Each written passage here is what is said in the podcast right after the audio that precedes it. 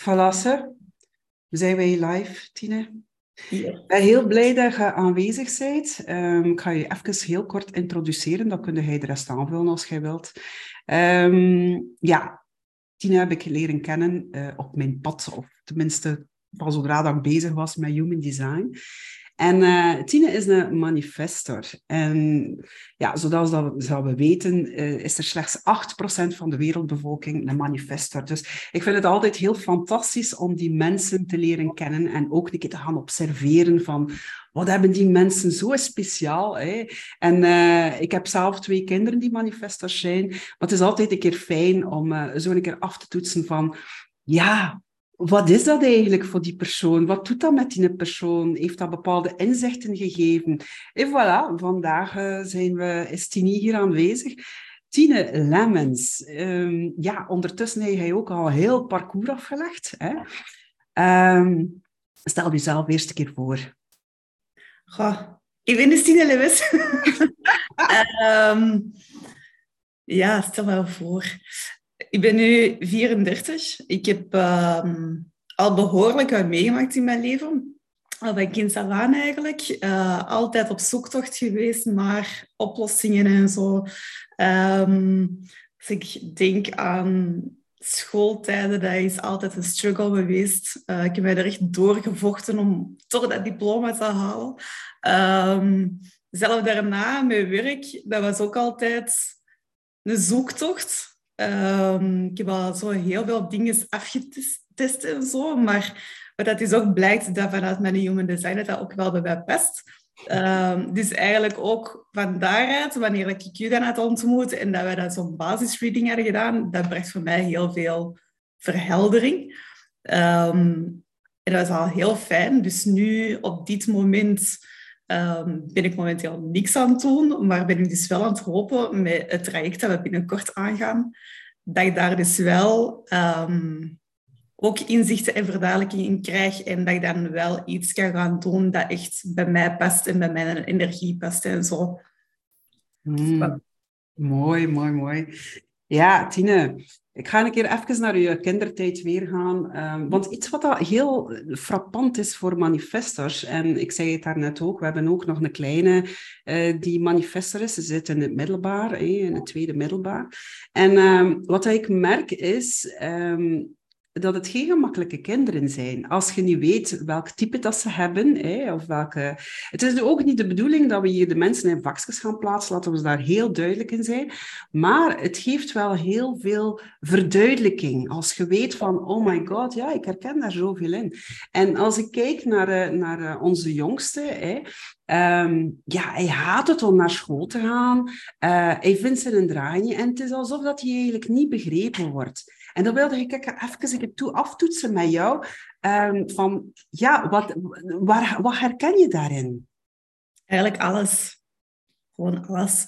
Zowel als in het lager onderwijs als middelbaar was dat, was geen makkelijke periode. Um, ik weet dat in het lager onderwijs dat ik eigenlijk altijd ofwel op mezelf was, ofwel um, met één of met twee andere kinderen, maar meestal zo de, de underdogs van de scholen, zo de, degenen die gepist worden, of de, de, de buitenstaandertjes. Dus dat was meestal iemand die wat dikker was, of um, iemand die dat als enigste van, heel het lager onderwijs uh, iemand was met een andere huidskleur. Dat waren dan altijd mijn beste vriendinnen. Dus was altijd iemand apart uh, tegenover al de rest van de norm en zo. Um, terwijl ik tegelijkertijd ook wel met al de rest omkom, dat ik ook wel sociaal ingesteld was. Maar ik had geen behoefte om de hele tijd met hun in connectie te zijn. Um, ik had eigenlijk meer behoefte om gewoon op mezelf te zijn. Alisa gewoon tegen de straatje praten. um, Hoe je anders dan de anderen? Op dat moment, in het lager had ik dat zelf niet door. Dat ik anders was. Um, ik denk ook wel gezien mijn eigen geschiedenis en, en de zwaarte ervan, dat ik daar ook gewoon geen tijd of zo had om daarbij stil te staan. Um, nu, achteraf gezien valt dat mij wel op dat ik inderdaad wel een buitenbeentje was. Um... Dat is mijn hand. Wacht, ik. Zita. Kom hier. Ze zoekt aandacht. Ja, culpa. Mij mag ze erbij komen. Zit af. Vooruit. Af. En slaapt. Ik weet niet of dat gaat lukken, maar bon, zwart. Dus trouwens een generator, voor de mensen die aan het kijken zijn. Dus actie, actie, actie. um, wacht eens even verder, denk je, de, in het lager onderwijs. Maar ik bijvoorbeeld ook zo met de leerkrachten. Kon je daarmee om? Begrepen ze u? Of, of was het eerder van... Um, wat, wat, wat dat er heel, heel herkenbaar is van een manifesto, dat is dat hij zijn nodige vrijheid nodig heeft. Maar ja, in ons huidige schoolsysteem is dat een drama. Hè? Dat, dat kan niet. Hè? Ja, klopt. Um, op zich, in het lager, had ik weinig contact met de leerkracht. Um, wat dat voor mij wel moeilijk was, is dat ik echt kon aanvoelen van de, hoe dat een leerkracht in elkaar zat. Dus die energie kon ik heel sterk aanvoelen. Dus bijvoorbeeld in het, eerste leerjaar, dat weet ik nog heel goed, had ik een heel strenge juf. Uh, maar dat, dat had een zodanige indruk op mij, dat dat mij eigenlijk afschrikte om mezelf te zijn omdat die altijd, uh, ja, die was heel kordaat, die deelde straffen uit en zo. En ja, ik kon daar niet mee om. En in het tweede leerjaar had ik eigenlijk een heel zachte en heel warme juf. En dat was dan heel fijn en dat maakte eigenlijk dat ik me veel veiliger voelde in die klas, waardoor dat ik ook beter presteerde en um, makkelijker vragen kon stellen en al dat soort dingen. Uh, en dan intern had ik terug een strengere juf.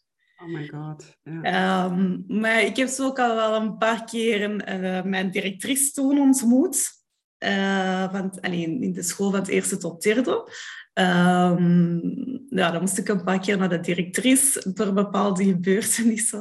Um, en in het begin dan schrikte mij dat ook af. Dat ik dacht van, oei, wat gaat hij doen? En um, gaat hij mij ook straffen? Maar dat bleek dan uiteindelijk wel iemand te zijn met heel veel begrip en zo. En die dat precies geen stappen mocht of kon ondernemen. maar die wel naar mij toe zo heel veel warmte en begrip uitstraalde. En dat, ja, dat, is, dat is iets heel vreemds, want zo dingen aanvoelen, ik weet dat, dat mensen er nogal, ja, um, hoe moet ik dat zeggen, daar raar tegenover staan, omdat dat hun afschrikt of zo, van ja, maar dat kan toch niet dat je zo dingen aanvoelt van iemand, maar op een of andere manier kon ik dat wel. Ja, maar dat is zo ook die conditionering dat we ervaren gedurende onze levensjaren, van kleins af af. En ik geef altijd dat voorbeeld zo van Jantje, in de klas heb je het waarschijnlijk ook al een keer gehoord. Uh, als kind hebben we zoveel, we zijn geboren met zoveel capaciteiten, met zoveel haven, uh, namelijk signalen vanuit ons lichaam. Signalen uh, die ons eigenlijk alert maken, het aanvoelen van. Maar we zijn geleerd om, om ons hoofd te laten overnemen, namelijk de monkey mind.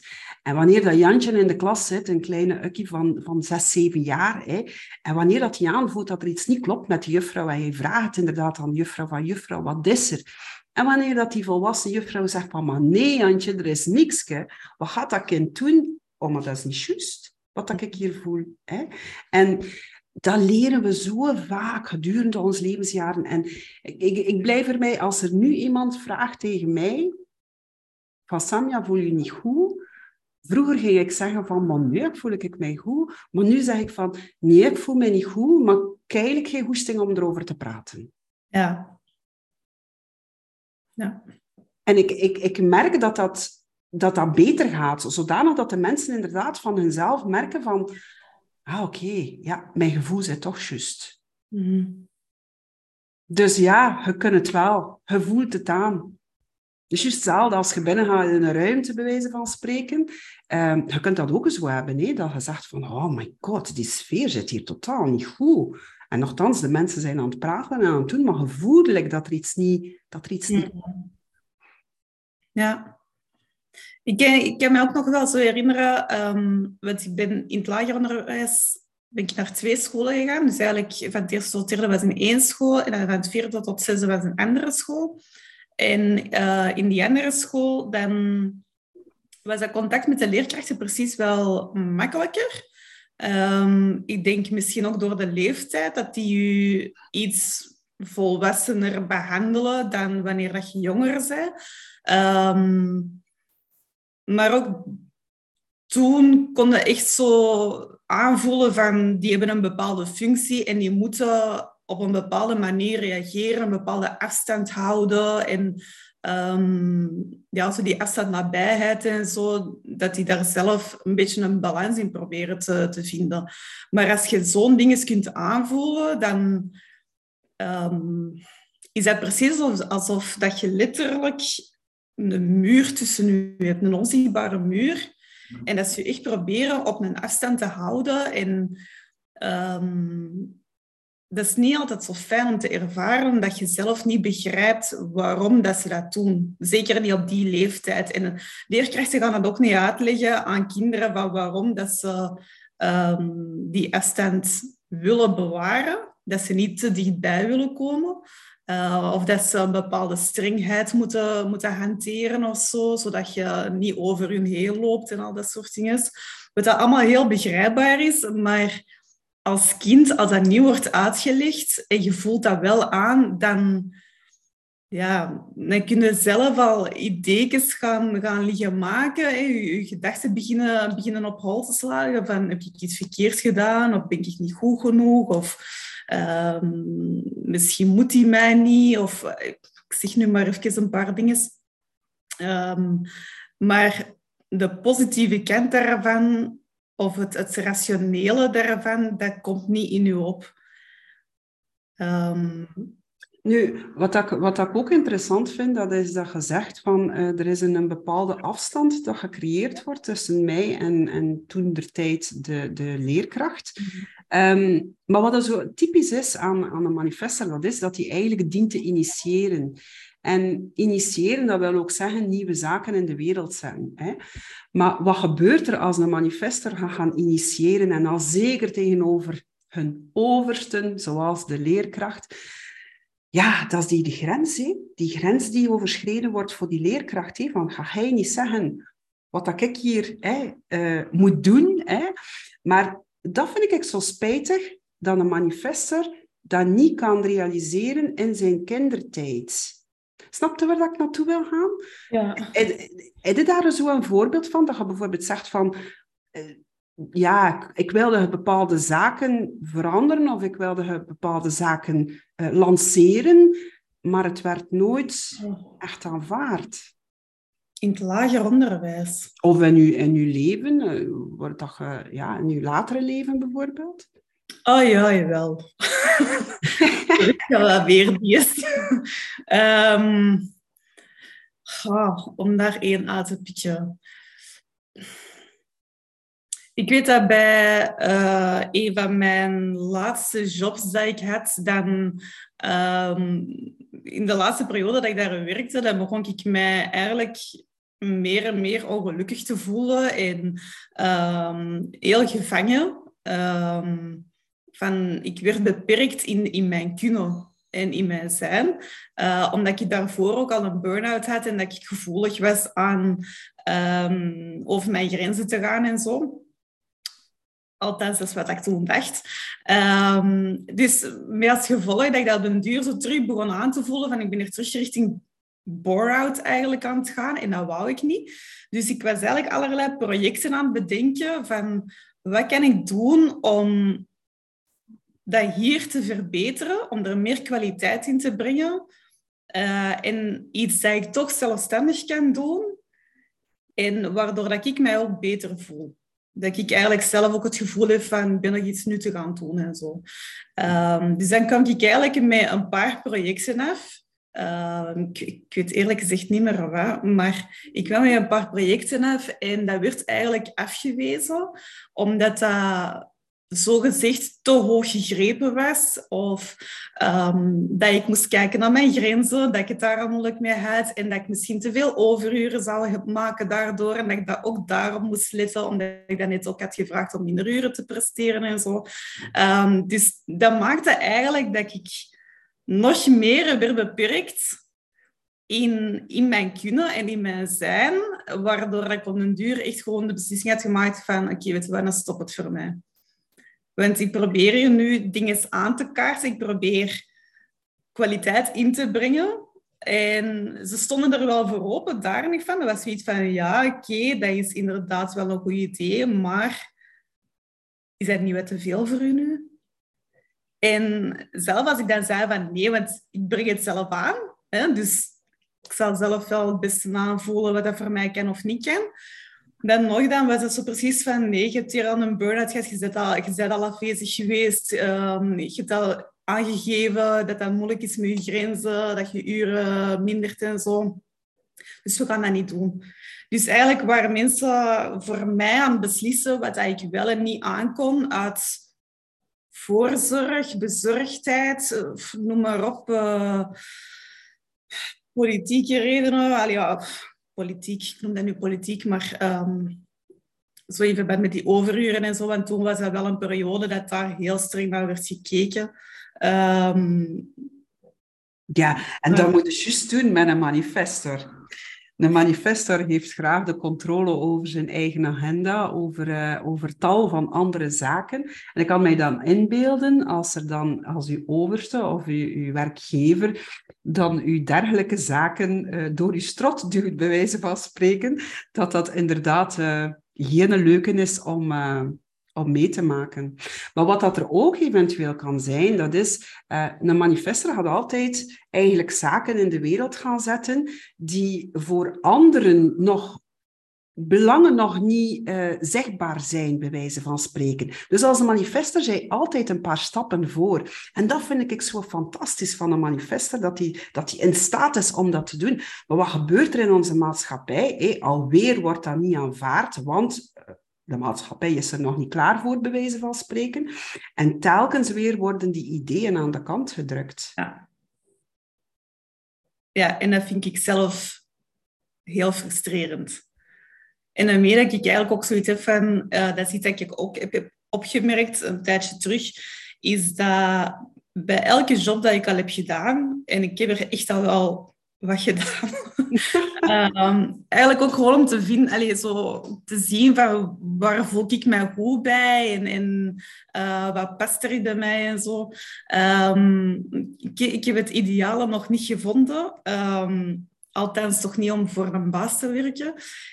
Want dat is ook mijn strakelblok. Ik heb eigenlijk gemerkt dat ik bij eender welke job dat ik mij ongelukkig voelde, omdat ik mij moest hanteren naar iemand anders zijn of haar normen en waarden en regeltjes en noem maar op, waardoor dat ik eigenlijk niet mijn eigen ding kon doen. Niet op mijn ritme, niet op mijn manier, niet met mijn denkwijze of, of wat dan ook. En dat zit mij vast.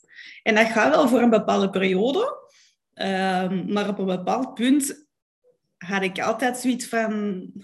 Dat, dat wringt te veel met wie dat ik ben. En dan ging dat niet. En het is inderdaad zo als je met dingen afkomt van oh, we kunnen dat doen, of we kunnen dat doen, we kunnen dat doen, en dan wordt elke keer afgekitst. Nee, nee, nee, dat is geen goed idee. Of dat is nog niet het moment. Of dat is veel te vroeg. Of uh, er kwam altijd wel een excuus. Um, ja, en elke keer is dat een soort van afwijzing eigenlijk dat je krijgt voor je ideeën. En, en dat je denkt van, ja, oké, ik kan beter gewoon zwijgen en luisteren en volgen. Want niks dat ik inbreng is precies goed. En dat is natuurlijk oh, zo spijtig. Dat is zo spijtig, want je hebt bepaalde capaciteiten die zo sterk kunnen zijn, die zo verhelderend kunnen zijn voor iedere onderneming. Hè. Um, nu, het is wel, ook wel zo dat een manifester eigenlijk, het is raar om te zeggen, maar dat hij eigenlijk beter uh, op zijn eigen werkt, dat hij, dat hij effectief een ondernemer is. Omdat hij dan inderdaad nieuwe zaken in de wereld kan gaan, uh, gaan zetten. Uh, dingen die misschien nog te vroeg zijn voor de maatschappij, maar uiteindelijk gaat er dan ook wel komen.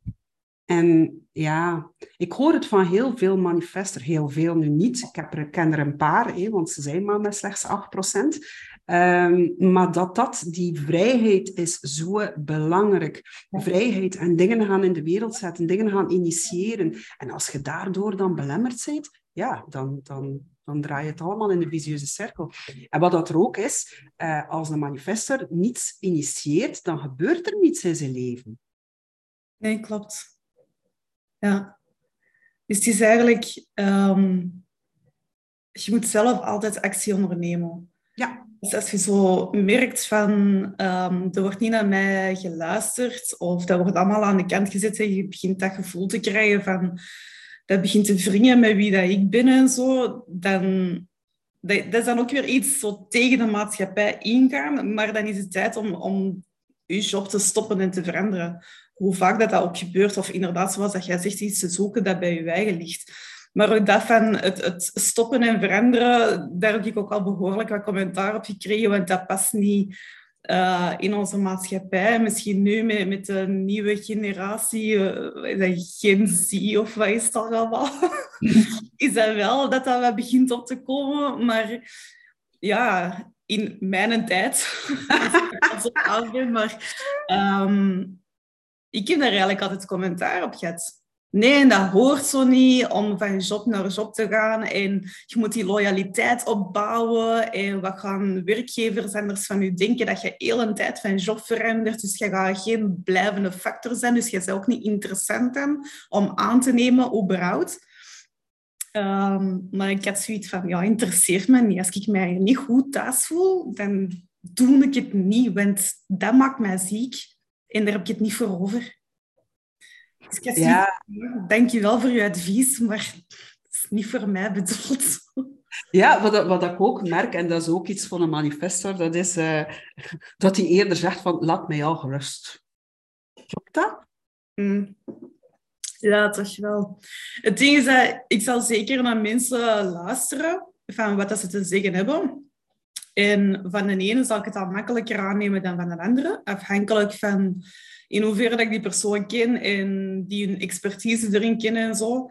Ehm, maar zelf dan nog zal ik altijd voor mezelf beslissen van is dat iets voor mij om daarin mee te gaan of niet? Voelt dat voor mij oké? Ehm, want hoe goed bedoeld dat sommige mensen hun advies ook is of hun tips of wat dan ook, heb ik zoiets van ja, maar dat hoort bij u en dat hoort niet per se bij mij. En dus dan neem ik eigenlijk een tijd om voor mijn eigen, nu de laatste periode toch altijd, neem ik voor mezelf de tijd om te beslissen en aan te voelen van is dat iets dat bij mij past of niet. En als dat wel zo is, dan wil ik dat zeker uittesten. Als dat niet is, dan heb ik zoiets van ja, oké, bedankt, maar ik kan het toch op een andere manier proberen. Ja, eigenlijk is dat wel gek, hè? Want sommige mensen vragen tegen mij van wat is nu net het verschil tussen een manifestor en de andere, um, en de andere types? Nu, er zitten heel wat verschillen in. Maar um, een manifestor hoeft eigenlijk niet te wachten op iemand anders um, om iets nieuws in de wereld te zetten. En dat is zo'n uitdaging voor bepaalde mensen. ik ben een manifesting generator, ik dien te wachten, hè, te wachten om te reageren. Dus er moet mij iets uh, passeren, laat ons zeggen, iets dat ik zie, iets dat... Uh, neem nu bijvoorbeeld... Um, toen in de tijd dat ik uh, boekhouder-fiscalist was, um, ja, ja, ik ken het. De software in de bedrijven. Ehm, en uh, we dienden eigenlijk uh, met een nieuwe software te gaan werken. En toen werd er mij gevraagd om bepaalde zaken te gaan uh, uittesten. En vervolgens... Maar het werd mij gevraagd. En heel dat proces ervoor, dan kan een manifester eigenlijk naar, naar de directie stappen en zeggen van... Ja, maar kunnen wij geen nieuwe software implementeren. Dat gaat allemaal, allemaal sneller gaan. En dat is het grote verschil. Dus hij kunt zo gaan informeren bij je overste of whatever dat je het wilt benoemen. Hè. Maar wij dienen gewoon te wachten en onze strategie uiteindelijk ook te gebruiken. Maar ik ga een keer teruggaan naar die strategie. Informeren. Ik merk dat er heel veel manifesters dat eigenlijk absoluut niet graag doen. Nee. Vertel. ik wil er alles over weten. Nee, dat, dat klopt eigenlijk wel. Uh, en dat is, dat is, ook het frappante van toen ik dat van u te weten kwam, van ja, je moet informeren. Ik zit van, oh shit. sorry voor mijn taalgebruik, maar... nee, dus dat is eigenlijk nog heel zacht uitgedrukt. Ehm, nee, dat is zoiets... Ik denk dat dat ook wel past bij... Um, bij iets anders, voor mij althans, van de schrik voor reactie van anderen. Dat, heb ik effectief. En dat zit dus ook mee in mijn human design.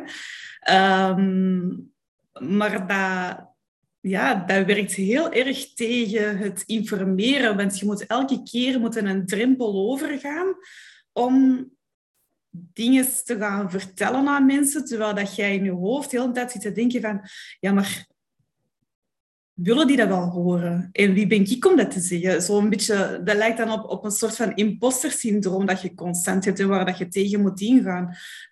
Um, zo faalangsttoestanden. En je voelt dat in heel je systeem en je wordt daar zenuwachtig van en dat ligt een druk op je om dat te doen. Um, maar tegelijkertijd, als je dat wel hebt gedaan, ja, dan kunnen er altijd twee reacties hebben natuurlijk. Eh, ofwel dan blijven zo met die schrik zitten van hoe gaan mensen daar, daarop reageren? Gaan ze het aanpakken? Gaan ze het niet aanpakken? Komt er wel positieve feedback op jou of nee? Um, dus je bent er echt wel zo mee bezig.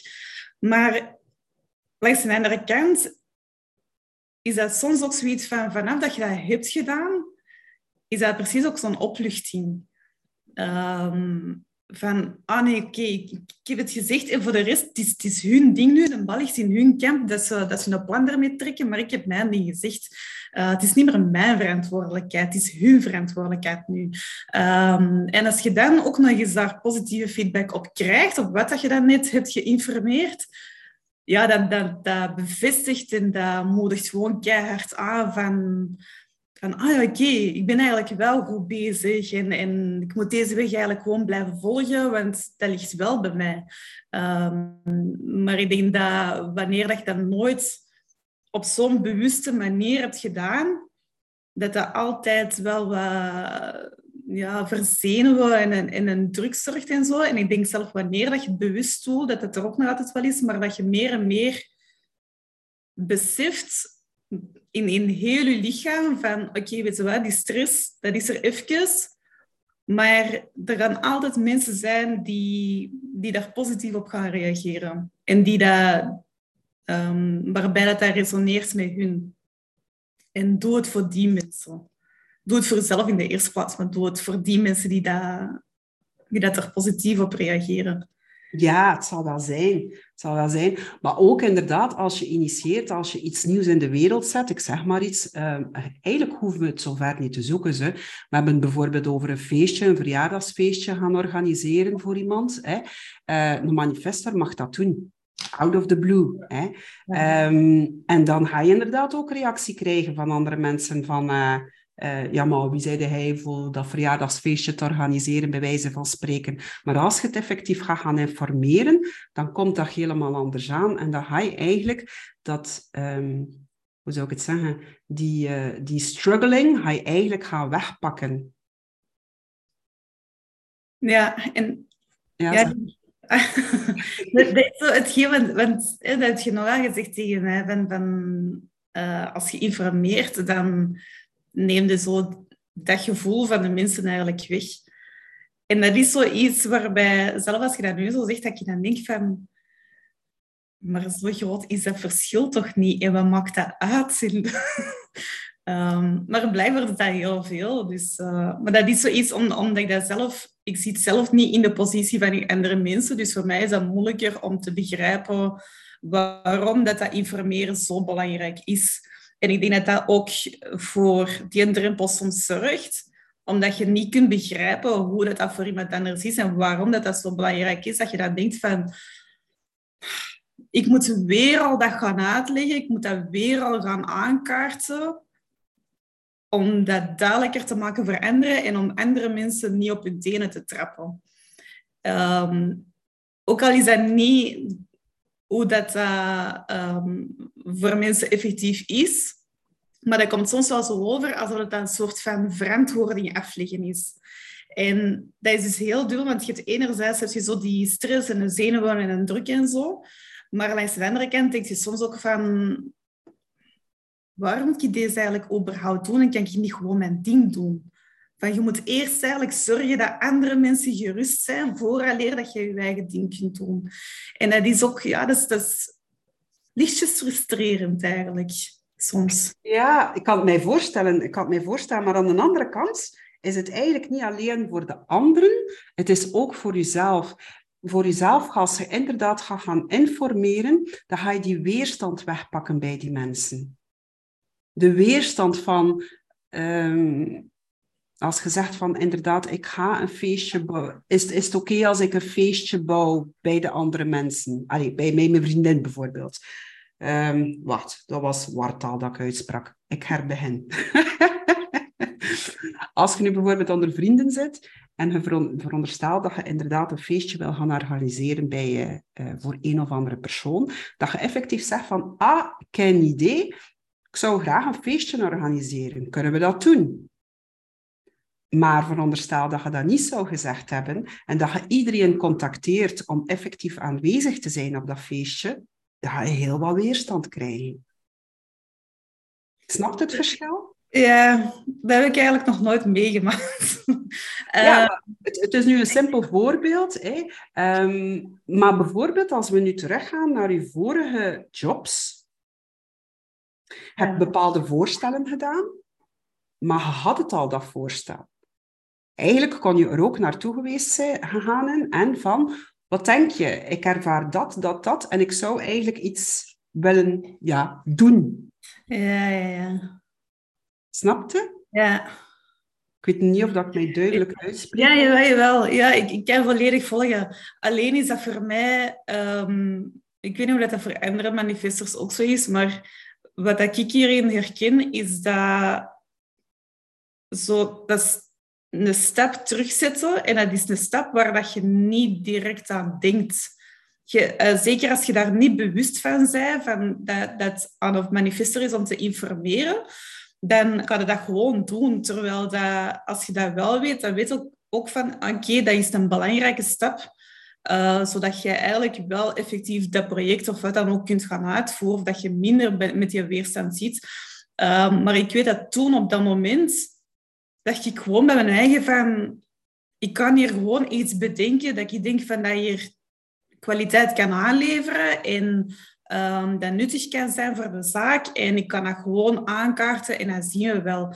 Maar eraan denken om eerst aan te kaarten van... Oké, mannen, um, wat met dat en dat en dat en dat? En is dat oké dat ik daar een project rond maak? Ja, dat, is, dat zijn dingen dat bij mij niet zo automatisch in mij opkomt om dat te doen. Dat is zo meer van, nee, we gaan dat gewoon doen. Ja, inderdaad. En eigenlijk van de manifester is het zo dat je eerst dient te informeren en dan je idee gaan brengen. Mm. En, en natuurlijk bij de manifester is het zo van, bam, zit erin. Oké, we gaan het uitvoeren. Ja. Met alle gevolg van dien dat er inderdaad heel wat uh, tegenkanting gaat komen. En vervolgens ga hij dan verbitterd zijn. Uh, dan ga je um, uh, je not zelf zijn eigenlijk, in plaats van succes te gaan ervaren. Hè. Um, en als je het wel doet, dan ga je wel succes ervaren. Heb je dat al gehad, dat je zegt van, oh, dat is nu echt wel een keer succesvol?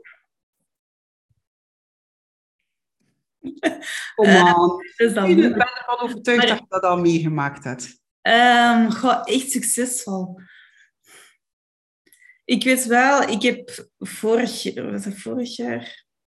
Succesvol in de vorm van, van uh, zo, uh, een vredevol gevoel. Zo, van, van ja, dat je voldaan bent, dat je een vredevol, ja, dat je content bent. Het kriebelende... Ja, jawel, jawel. Um, zo heb ik ook al wel meerdere dingetjes gedaan eigenlijk. Met zo... Um, ja, ik heb eigenlijk heel vaak mensen uitgenodigd voor een etentje, een feestje of noem maar op. En dan was het eigenlijk heel makkelijk om al die mensen samen te brengen en, en um, om daar een gezellig moment voor te creëren. Um, dus dat alleen al, dat was voor mij eigenlijk wel altijd heel verbazingwekkend van hoe makkelijk dat, dat verliep. Uh, en dat mensen daar eigenlijk geen, geen ja, tegenwoord of zo inbrachten van, ah, nee, zeg maar, wat kom jij nu even? Nee, dat was altijd eigenlijk een positieve reactie van, ah ja, oké, tof, is goed. Ehm, of uh, zo dingetjes waar ik er juist ook aan dacht, is dat um, bijvoorbeeld op, op een van die laatste jobs dat ik er juist ook zei met die projecten, is dat um, er kwamen soms, allee, er komen eigenlijk soms mensen met rollators, buggies, noem maar op, maar dat was zo geen helling om uh, naar binnen te kunnen gaan. En ik vond dat eigenlijk niet kunnen, want er waren ook mensen met effectief een rolstoel en zo, mensen met een beperking of noem maar op. Dus dat was voor mij zoiets van, ja, maar dat is niet inclusief. En heel deze werking staat rond inclusiviteit. Dus dan moet er toch gewoon zijn dat er een helling is, zodat die makkelijker binnen kunnen. Dat is een kleinigheidje. Um, dus ik heb dat dan aangekaart van kunnen we dat doen? Dus hè, het, het, informeren eigenlijk. Uh, waarbij dat ik dan eerst eigenlijk de commentaar kreeg van ja, dat proberen we eigenlijk al jaren uh, hier in orde te krijgen. Maar als jij je erop wilt zetten, doe maar. En ik heb dat gedaan en eigenlijk binnen een korte keer was dat in orde. Ja, maar dat, dat is... En inderdaad, dan ga je dat gevoel hebben van, voilà, Voilà. Ja, wel, dat, ik vond dat eigenlijk heel dubbel, want ik vond dat vreemd dat, dat dat bij mij dan wel lukte, terwijl dat, dat iemand anders was die dat er al jaren werkte en er al x aantal keren tijd in had gestoken waarbij dat dan niet marcheerde. En ik kwam er dan zo als, ja, zo als nieuweling aan van ik wil dat hier in orde hebben, ik ken dat, mag dat, is oké. En, en binnen een paar maanden tijd stond die helling daar. En dan heb ik eigenlijk nog eens gratis, Allee, van, vanuit fondsen en zo, en, en noem maar op, de, ik zoiets had van, dit is eigenlijk wel vreemd dat dat... dat, ja, maar dat is eigenlijk een heel schoon voorbeeld. En het, allee, uw ideeën, of uw, het zijn geen ideeën, het zijn een soort van, ja, vernieuwingen aanbrengen. Uh, het hoeft zo, hey, je hoeft het niet altijd zo ver te zoeken. Maar we gaan nu een keer kijken naar de omgekeerde versie. Wanneer je echt nog een keer zo'n woedeaanval had. Zo eentje om u tegen te zijn. Uh, vorige week. Wacht, ik ga even mijn ons uh, buiten laten. Wacht, hè. ik ga dat dan uitknippen. Oké. Okay.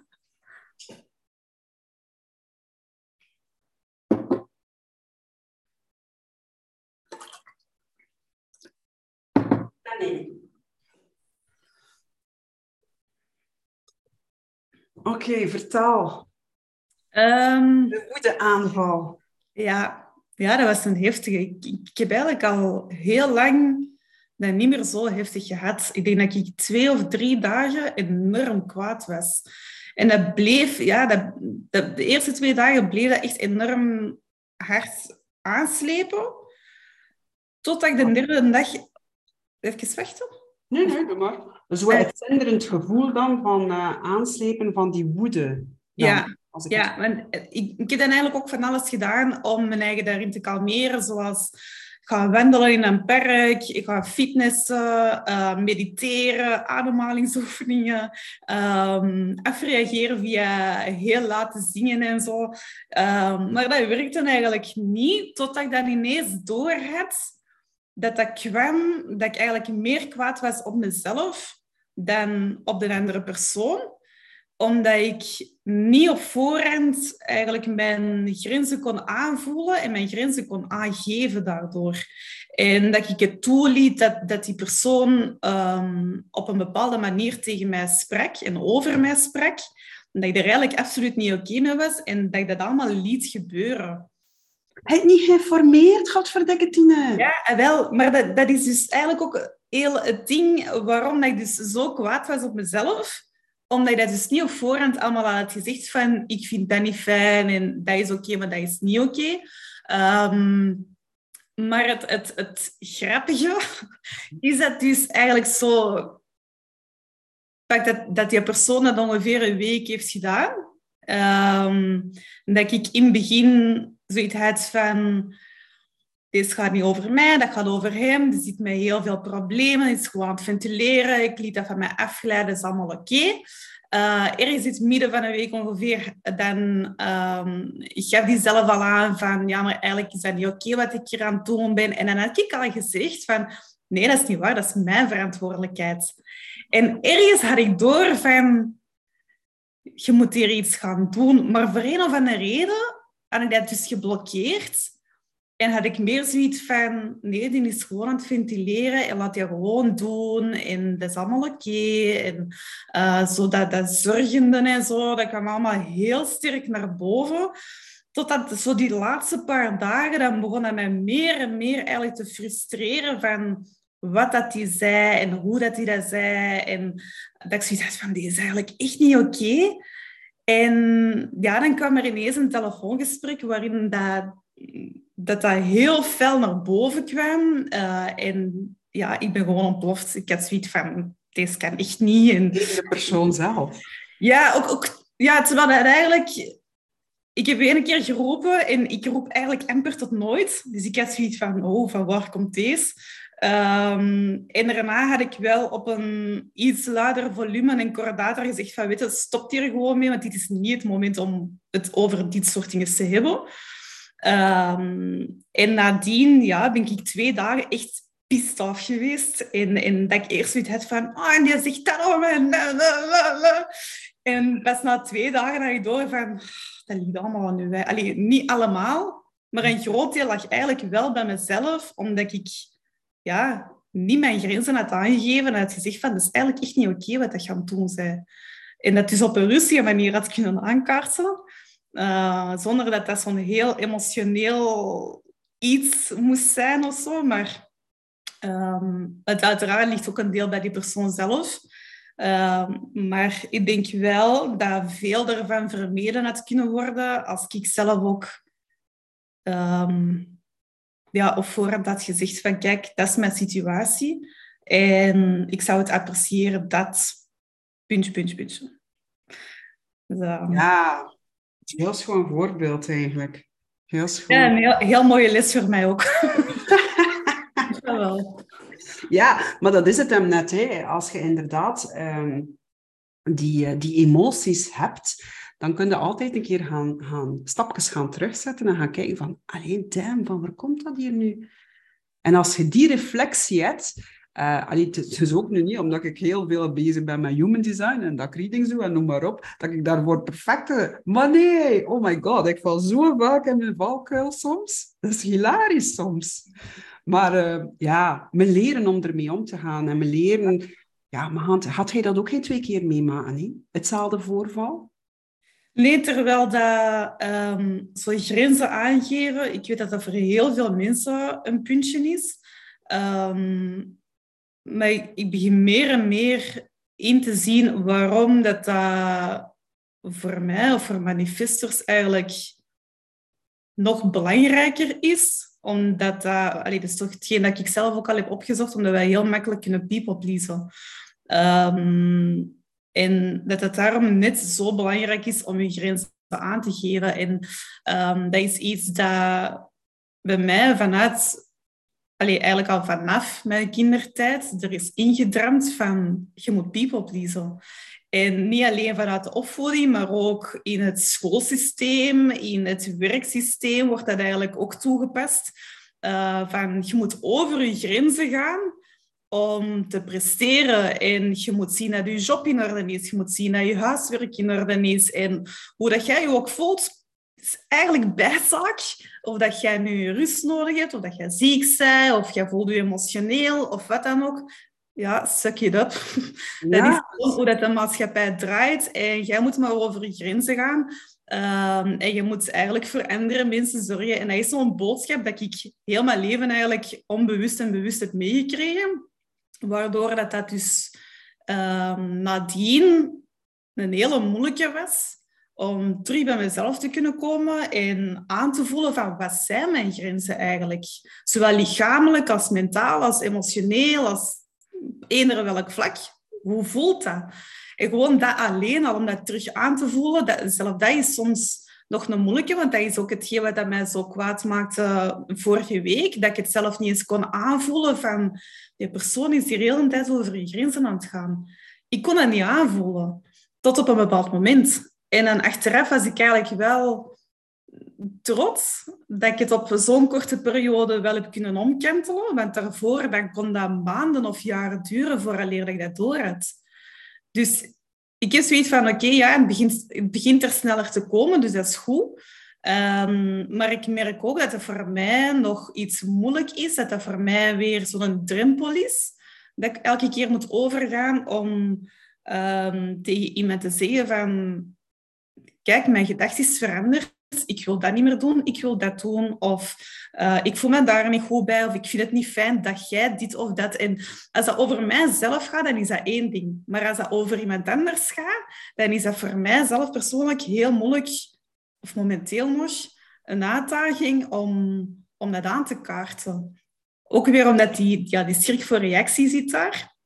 Dat is enerzijds, maar ook gewoon omdat ik dat nooit heb meegekregen. Ik heb het altijd meegekregen om te people pleasen.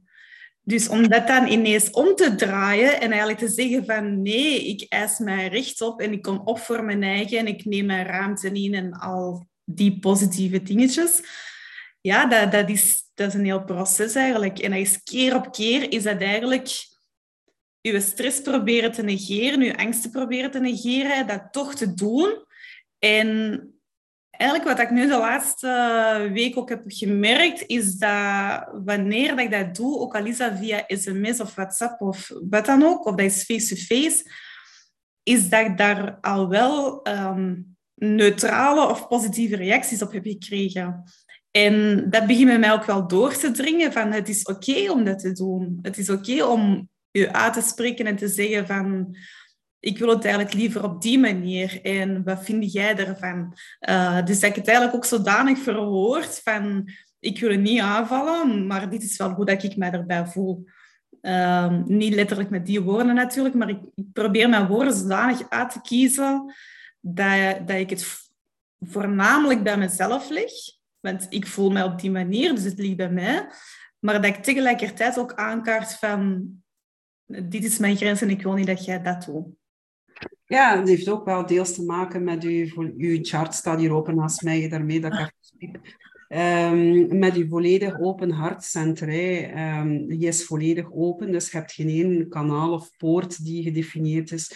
Wat wil te zeggen dat je inderdaad vooral mensen wilt gaan pleasen. Hè? Ja. Um, en uh, dat je inderdaad altijd die minderwaarde, dat je altijd ga gaan kijken van, uh, oké, en daarnet hoorde ik ook in uw, in, uw, uh, in uw gesprek als het uitlegde van, um, ja, het ligt bij mij.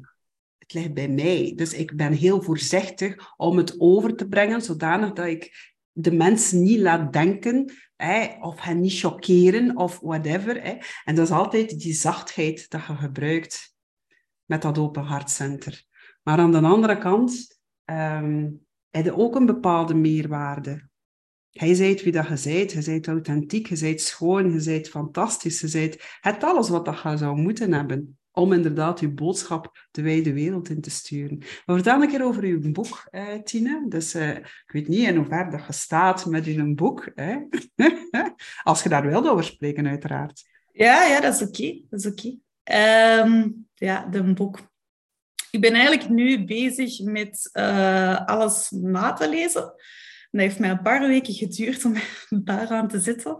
Um, ja, ik ben nu alles aan het nalezen om de dingen die dat daarin staan, die misschien iets te gevoelig of te bot geschreven zijn, dat ik dat kan aanpassen.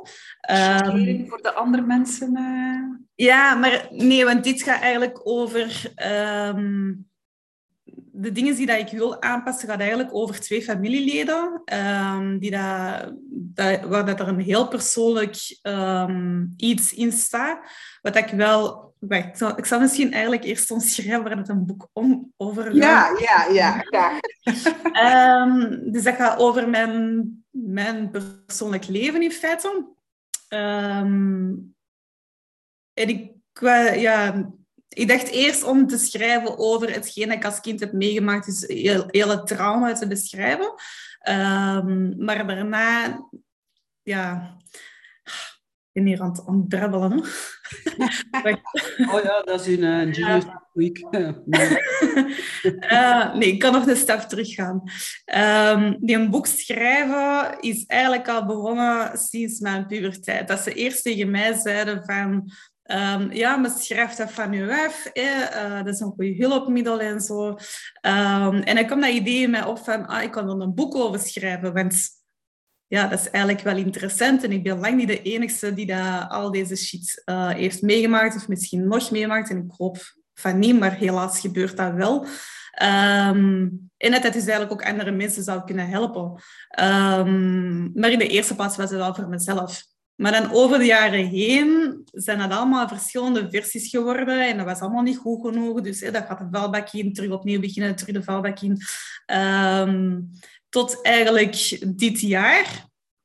Um, ja, dus eigenlijk vorig jaar rond deze periode, nee, van de hersencancer vorig jaar had ik dan de diagnose van spasmofilie gekregen, waarbij ik dan uh, in ziekte ben gegaan um, en dat ik effectief betere stappen heb ondernomen om echt tijd voor mezelf te nemen en um, aan mijn dingen te werken, omdat ik er echt door kon geraken. Uh, dus ergens in het voorjaar van dit jaar kwam het eigenlijk terug in mij op van begin terug aan je boek. Um, maar niet meer vanuit het standpunt van ik ga mijn trauma vertellen, want dat leek mij niet meer interessant, maar wel vanuit het standpunt van hoe was mijn ervaring met heel het systeem met het jeugdsysteem, met de pleegdienst, met ziekenhuizen, dokters, therapeuten, noem maar op. Want um, die functies die zijn allemaal heel belangrijk, maar die worden heel vaak afgebeeld alsof dat roze geur en maneschijn is. En dat is het absoluut niet. Dus ik heb zoiets van, dat beeld dat mag gaan veranderen. En mensen mogen gaan beseffen wat dat de realiteit is. En daar mag verandering in komen.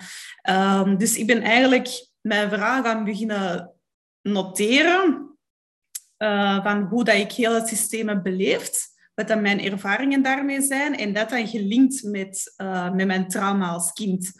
Um, in de eerste plaats eigenlijk om dat voor mezelf te doen, om dat zoals dat, dat in het begin ook werd gezegd, om dat van mij af te schrijven en als uh, een soort verwerking eigenlijk te bezien, wat dat zeker ook wel was en is. Um, want hetgeen dat er ook al tegen mij werd gezegd, is dat wanneer dat je een boek schrijft, dat is een heel proces en dat verandert je als persoon. En dat heb ik eigenlijk ook gemerkt en dat zeg ik ook in de manier van schrijven, dat dat op het einde helemaal anders was dan hoe dat, dat in het begin is. Dus daarmee dat ik dus nu bezig ben met dat terug allemaal na te kijken, want die schrijfstijl die verandert, je woorden veranderen en je, de emotie dat je erin legt en zo, dat verandert. Um, dat wordt op het einde, ja, in het begin is dat bijvoorbeeld met meer kwaadheid, verdriet en teleurstelling en zo. En tegen het einde is dat eigenlijk meer met zachtheid en begrip. Dus ik heb zoiets van, dus ik wil de stukken die dat daar iets te hard in voorkomen, waarbij dat ik bepaalde mensen tref die dat ik niet op die manier wil treffen, dat kan ik dus eigenlijk nu nog uh, anders verwoorden, zodat die personen niet ja, daarin meegesleurd worden. Um, dus in de eerste plaats is dat voor mezelf een boek, maar in de tweede plaats hoop ik wel om dat uit te brengen en um, ja, verandering in het systeem te kunnen brengen, om dat te kunnen opentrekken. En al is het dat, dat ik gewoon die een boek uitbreng en dat iemand anders zegt van ah, ik pak dat hier op mij en komt dat zelf in de politiek terecht. Want politiek, dat is nog een heel ander verhaal, maar Uh, ik denk dat eigenlijk beginnen daar, maar goed. Um, ja, dat, dat zou voor mij zou dat het ideale zijn, moest het zo ver komen, dat, ze zelf wetten gaan aanpassen en zo. Um, en zelf als ik dat hardop zeg, dan denk ik van, wie denk je dat jij bent? Nee, maar dat is, dat is je taak, Tine. Dat is je taak, hè. Vergeet dat niet, meisje. Echt waar. Hij heeft het privilege om dat te doen, dus doe dat dan ook. Ja, wel, maar dat, dat lijkt zo... Ja, ik denk dat sommige mensen nu horen bij mij blijven hangen dat dat zo hoog gegrepen ligt, inderdaad. Van, wie denkt jij dat jij zei om een wet te gaan aanpassen? um, maar informeren, hè? Maar ja. dat hij nu hier aan het doen bent in de podcast, hè, uh, zij hij ook ergens gaan het informeren wat dat je van plan bent, wat dat je zou willen doen. Dat is inderdaad ook informeren. Ja, um, want ergens is dat wel zoiets waarvan ik denk van dat is voor de ideale wereld. Uh, en dat ik zoiets van, ik ben iemand die het langs beide kanten heeft meegemaakt. Ik ben iemand die dat slachtoffer is geweest van een heel zwart trauma. En die langs de andere kant ook, allee, en die dan terecht is gekomen in heel het systeem van pleegdiensten, therapeuten en, en centra's en noem maar op. Maar langs de andere kant heb ik ook de hulpverleningskant meegemaakt. En, dus ik heb het langs beide kanten gezien en langs beide kanten zitten er dingen heel fout. Uh, en ik zeg niet dat alles fout is, dat absoluut niet. Um, maar ik focus me wel op die dingen die daar volgens mij verbeterd kunnen worden. Um, en waar dat er anders naar gekeken kan worden, waar dat er kritischer naar gekeken kan worden. Want we zijn hier bezig met mensen, we zijn bezig met kinderen en met jongeren, waar dat er van alles aan wordt aangedaan, maar die komen dan terecht in een systeem en eigenlijk, cru gezegd, worden die gewoon aan je lot overgelaten. Maar dat is wel de toekomst. En dat is zoiets dat voor mij natuurlijk wel gevoelig ligt, maar waarvan ik zoiets van, daar, daar mag voor gevochten worden. En, ja, maar aan de andere kant, Tine, alleen je zegt nu wel van ik heb de twee kanten meegemaakt. Uiteraard heb je de twee kanten meegemaakt, anders kun je dat op die manier niet gaan overbrengen. En veronderstel dat het iemand niet heeft meegemaakt en dat die verandering wil inbrengen in het systeem, in het hele systeem. Sorry, maar welk recht heeft die mens om dat te beslissen, bij wijze van spreken? Hij weet God niet hoe dat het in elkaar zit. Ja, dat is, dat soms ook wel iets dat mij kan frustreren als bepaalde mensen over onderwerpen praten waarvan ik denk van, hey, wat is uw ervaring daarin? En dat is ook iets dat eigenlijk mee met een boek staat van... Um, ik denk dat het ergens achteraan is, van, van meer naar de, de wet gekeken of naar, naar um, uh, instellingen en, en um, organisaties en zo. Van als je bepaalde aanpassingen wilt maken, betrek daar dan ook de juiste mensen bij en betrek daar de kinderen en de jongeren en de volwassenen bij die daar effectief ervaring in hebben en bekijkt kinderen niet alsof dat ze daar niet wijs genoeg voor zijn. Want dat heb ik zelf ook heel vaak meegemaakt. En dat, dat was enorm frustrerend. Want je bent een kind, dus je kunt niet meedraaien in hetgeen dat wij nu doen. Want wie zeg jij? Je bent, je bent gewoon te jong. Dus ze kijken eigenlijk naar de leeftijd om te zeggen van... Jij moet hierin mee beslissen of niet. Terwijl dat kinderen eigenlijk daar wel volwassen genoeg voor zijn om hun ideeën mee te uiten en te zeggen van ja, maar als je het nu eens zo doet of je doet het zo, al is dat een kind van drie, vier jaar, maakt niet uit. Just. Allee, ja, ze zeggen ook niet voor niks, de waarheid komt uit een kinders mond, maar kinderen worden ergens bij betrokken als het gaat om beslissingen. Dus ik heb zoiets van... Ja. Oh, heb je een idee wanneer dat uw boek gaat gelanceerd worden? uh, als het aan mij ligt vandaag. Maar uh, nee, de lancering. Ik ben eigenlijk aan het hopen dat dat dit jaar nog wel af is. Dat wel. Um, ik heb ook iemand gevonden die dat uh, nog wilt nakijken en zo. dus wie weet een, uh, als, als nieuwjaarspresentatie of zo. Dat is eigenlijk al een titel voor je boek. Heb je dan een titel? Ja, ik heb een titel en dat is iets dat ik al jaren zo in mijn hoofd heb. En ik heb er eigenlijk alleen maar kritiek op gekregen. En toch blijft dat hangen. Um, ik, ben eigenlijk aan het twijfelen of dat ik het al zal zeggen of nog niet. Ik laat het aan jou over. Je wat, zwijg nog een beetje en wilde toch zeggen, dan gaan we het uh, in, de, in het tekstje schrijven uh, die bij die video behoort. Is het goed? Dat is goed. Hey, want je bent emotioneel gedefinieerd, je dient er een nachtje over te slapen. Ja, ja. Tine, wat wilde hij nog meegeven aan, uh, aan de manifestors die aan het luisteren of aan het kijken zijn? In heel dat traject dat jij nu bewandeld al hebt. Um, ik denk dat moest ik iemand in mijn leven hebben gehad die dat iets of over manifester zijnde kende en mij daarin kon coachen, dan zou ik zeggen van luister naar je gevoel en blijf daarbij. Ook al botsen daar nu met andere mensen of krijg je daar kritiek op of zo, moeilijk dat dat ook kan zijn. Um, maar verandert je eigen niet omdat iemand anders zegt dat dat niet kan of dat dat niet degene is wie dat je zei. Ehm, ik denk dat dat het belangrijkste eigenlijk is om echt bij jezelf te blijven en je eigen gevoel, je eigen intuïtie te blijven volgen. Hoe raar dat dat soms ook kan zijn.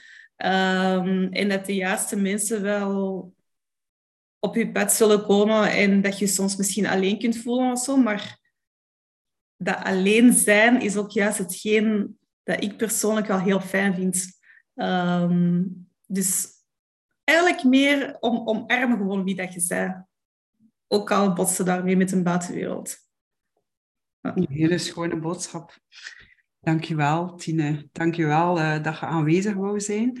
Uh, ik hoop dat je het leuk vond. Hè. Uh, het is altijd een keer leuk om, om wat te tetteren samen. Hè. Hebben al heel veel verteld tegen elkaar. Swat, um, lieve luisteraars, lieve kijkers, dikke merci dat jullie uh, erbij waren, dat jullie geluisterd hebben. Ik hoop als je een manifester bent, uh, of hebt kinderen die manifester zijn, of je bent een leerkracht die dat hier nu hoort, alstublieft, haar mee aan de slag. Pak de gebruikte tips dat Tine u ook uh, gezegd heeft, hebt, heeft. Ga er niet uit. Swat. Anyway, een dikke merci en tot binnenkort. Ciao, ciao. Bye bye.